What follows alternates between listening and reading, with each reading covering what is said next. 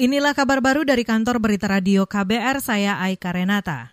Otoritas Jasa Keuangan OJK memperkirakan pertumbuhan kredit perbankan pada tahun ini akan meningkat antara 7 hingga 9 persen. Kepala Eksekutif Pengawasan Perbankan OJK, Heru Kristiana mengatakan pertumbuhan itu harus disertai dengan kecepatan program vaksinasi COVID-19 pada tahun 2021 pertumbuhan kredit diproyeksikan meningkat dan pada akhirnya dapat mendorong pertumbuhan ekonomi Indonesia. Dalam kondisi konservatif kami mencatat jika vaksin dapat berjalan cepat, kemudian juga eh, pertumbuhan demandnya juga meningkat secara cepat di dalam triwulan ini atau triwulan ke depan, kami masih optimis bahwa pertumbuhan kredit kita bisa mencapai eh, sekitar 7 sampai 9 persen.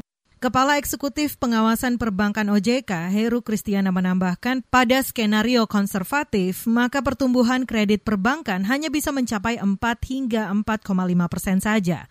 Hari ini, Saudara, OJK meluncurkan peta jalan pengembangan perbankan Indonesia hingga 2025. Kita beralih, Komisi Pemberantasan Korupsi KPK menggeledah dua lokasi di Yogyakarta terkait kasus dugaan korupsi anggaran daerah pembangunan Stadion Mandala Krida Yogyakarta.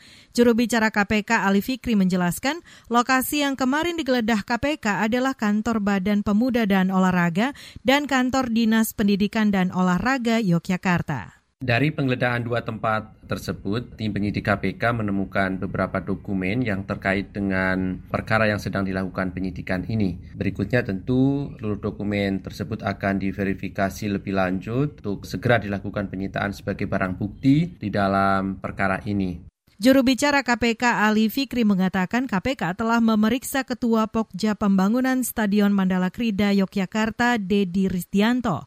Dia dan delapan orang lain berstatus sebagai saksi. KPK belum mengumumkan status tersangka dalam kasus tersebut.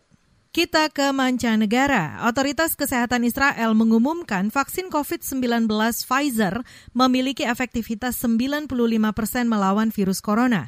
Efektivitas itu diumumkan usai pelaksanaan uji coba vaksin terhadap lebih 600 ribu orang. Sebanyak hampir 44 persen dari 9 juta lebih warga Israel sudah menerima setidaknya satu suntikan vaksin Pfizer.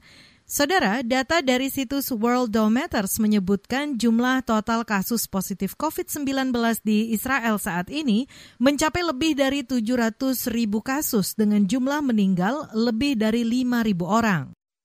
Demikian kabar baru dari kantor berita radio KBR, saya Aika Renata.